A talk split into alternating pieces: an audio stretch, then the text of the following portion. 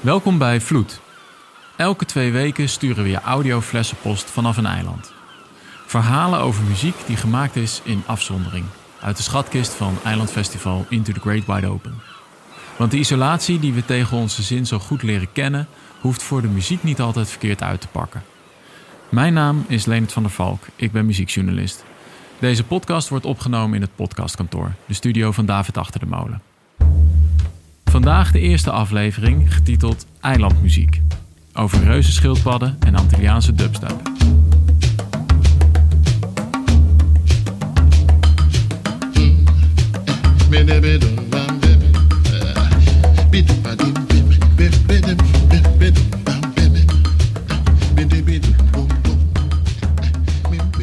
In september 1835 bereikte het marineschip de HMS Beagle de Galapagoseilanden.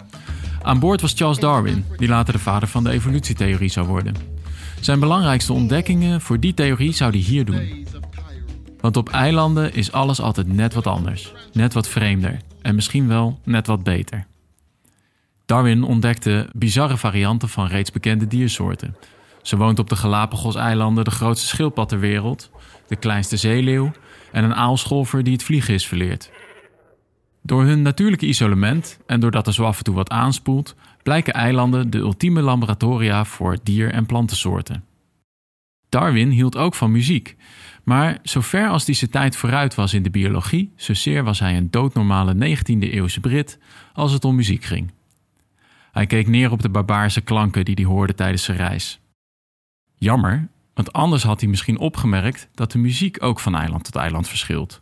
En dat eilandmuziek dus ook altijd net wat anders, net wat vreemder en misschien wel net wat beter is. Neem nou de reggae van Jamaica, de rumba van Cuba, de folksongs uit Ierland. Elke bezoeker van Into the Great Wide Open of Kleine Zus Here Comes the Summer weet het. Zodra je aanspoelt op Vlieland begint het eilandgevoel. En ook de muzikanten voelen dat. Neem bijvoorbeeld Anthony Joseph, die in 2015 op Vlieland was. Je hoorde hem net al eventjes tijdens het intro. Hij is dichter, muzikant en spoken word artiest afkomstig van het Caribische eiland Trinidad. Sinds de jaren 90 woont hij in Engeland. Zijn manier van zingen en zeggen komt voort uit de calypso. Muziek die alleen maar op het eiland Trinidad kon ontstaan. Door de unieke mix van verschillende Afrikaanse, Europese en Amerikaanse culturen, die daar door slavernij en kolonialisme samenkwamen. Eeuwenlang kon elke vorm van kritiek voor Afrikanen op Trinidad de dood betekenen.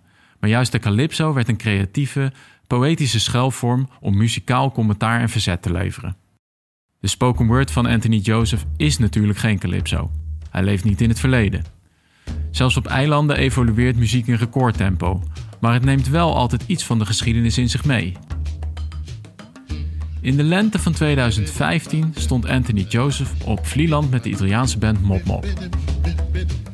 Opgebouwd uit afrobeat, Caribische muziek, jazz en soul, werkte Mop Mop met hem samen op het eilandalbum Isle of Magic. Het nummer heet Heritage, over het Afrikaanse erfgoed dat meereisde naar de Cariben. in the African past. Long before the feast days of Cairo, where the local branches of the ivory bourgeoisie were progressing through those jungles of colonialism.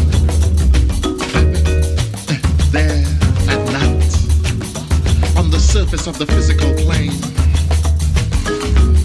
African culture existed without motive or decisive conflict. Mineral strata of its power to simplify.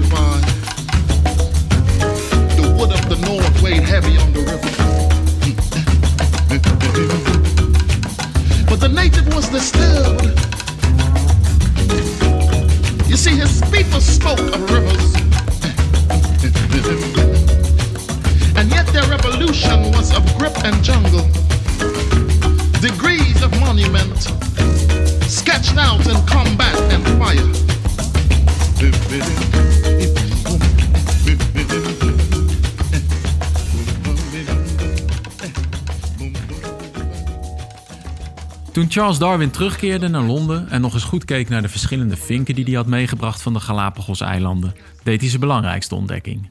Zelfs tussen buureilanden bleken soorten flink te kunnen verschillen.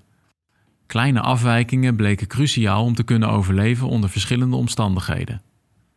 Het moet rond datzelfde jaar, 1835, zijn geweest dat er op de Noordzee een vat vol cranberries ronddobberde, mogelijk overboord geslagen vanaf een schip uit Noord-Amerika.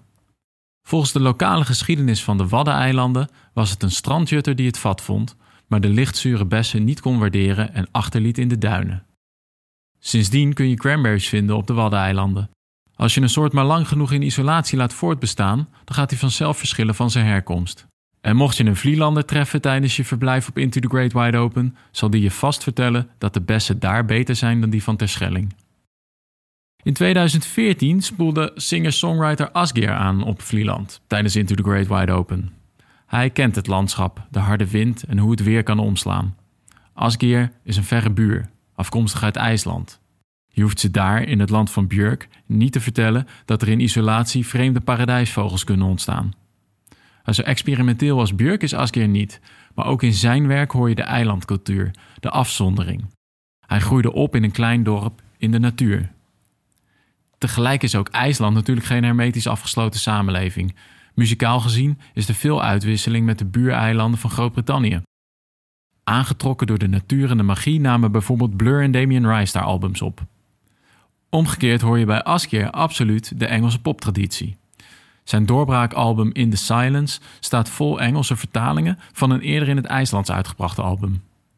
Maar nog los van de taal zijn ook de composities en de ritmes altijd net even anders dan je zou verwachten van een popliedje. Als een verwante vinkensoort of bessenstruik die zich in afzondering anders heeft ontwikkeld, omdat het past bij de omstandigheden. Een van zijn bekendste songs is King and Cross.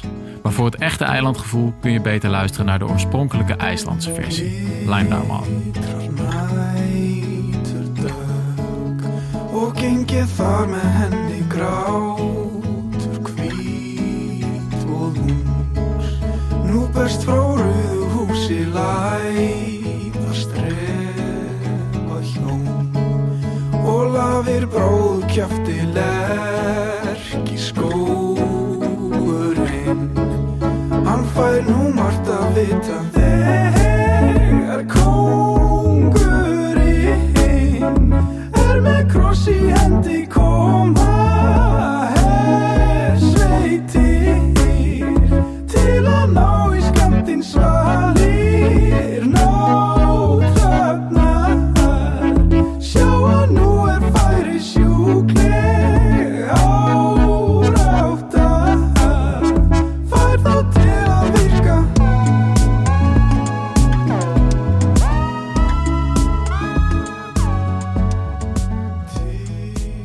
Juist geïsoleerde eilanden hebben zo af en toe een nieuwe impuls nodig.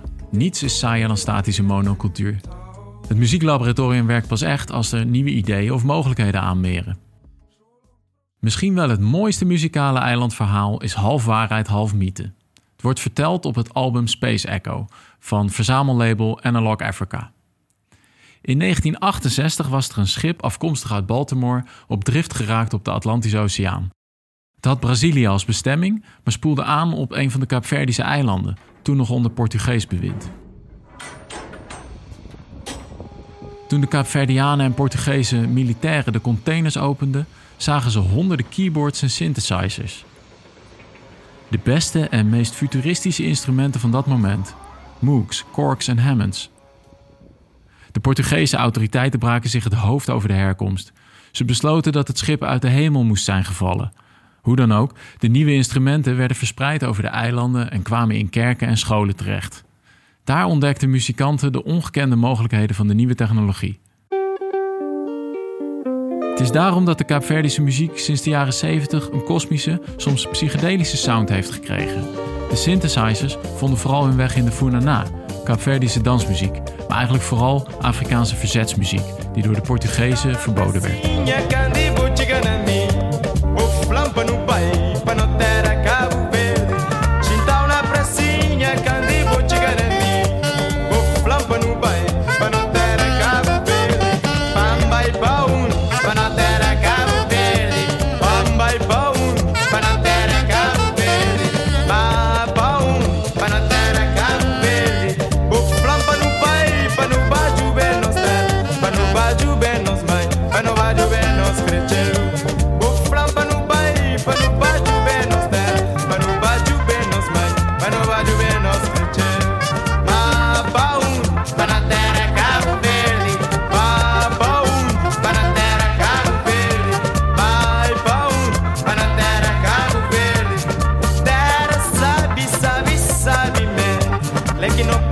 I'll be.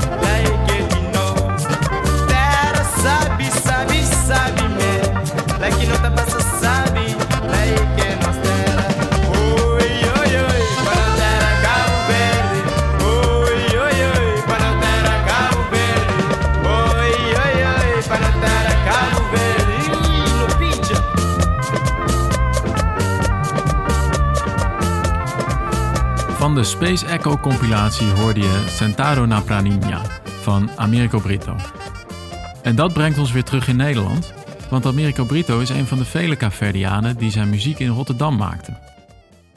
Dat komt omdat de leider van de Kaapverdische revolutie tegen de Portugezen de Rotterdamse haven had uitgekozen als plek waar de verboden muziek alsnog moest worden opgenomen. Wat er met de Kaapverdische Funana gebeurde, is vergelijkbaar met wat er op een eiland uit het Koninkrijk der Nederlanden gebeurde. Want ook de Nederlandse autoriteiten verboden de verzetsmuziek en wel op Curaçao.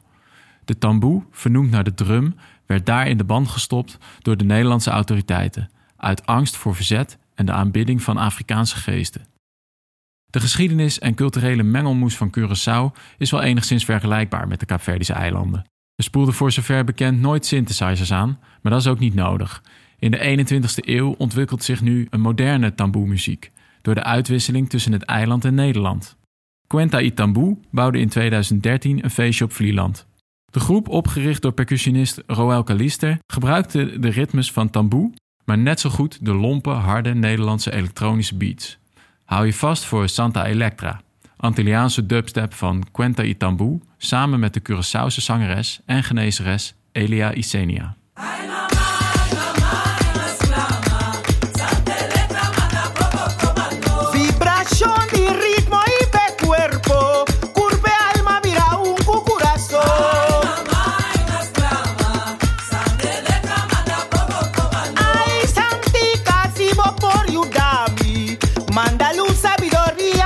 show.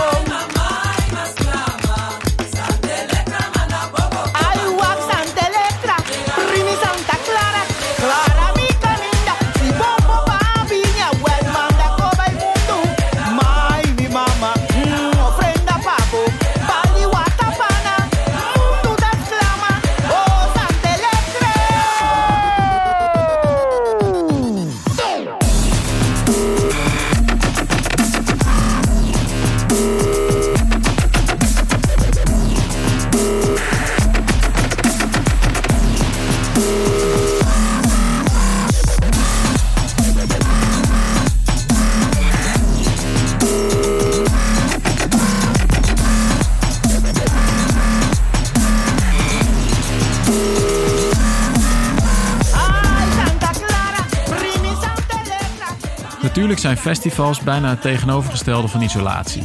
Het is een viering van vrijheid, gedrenkt in vriendschap en feest.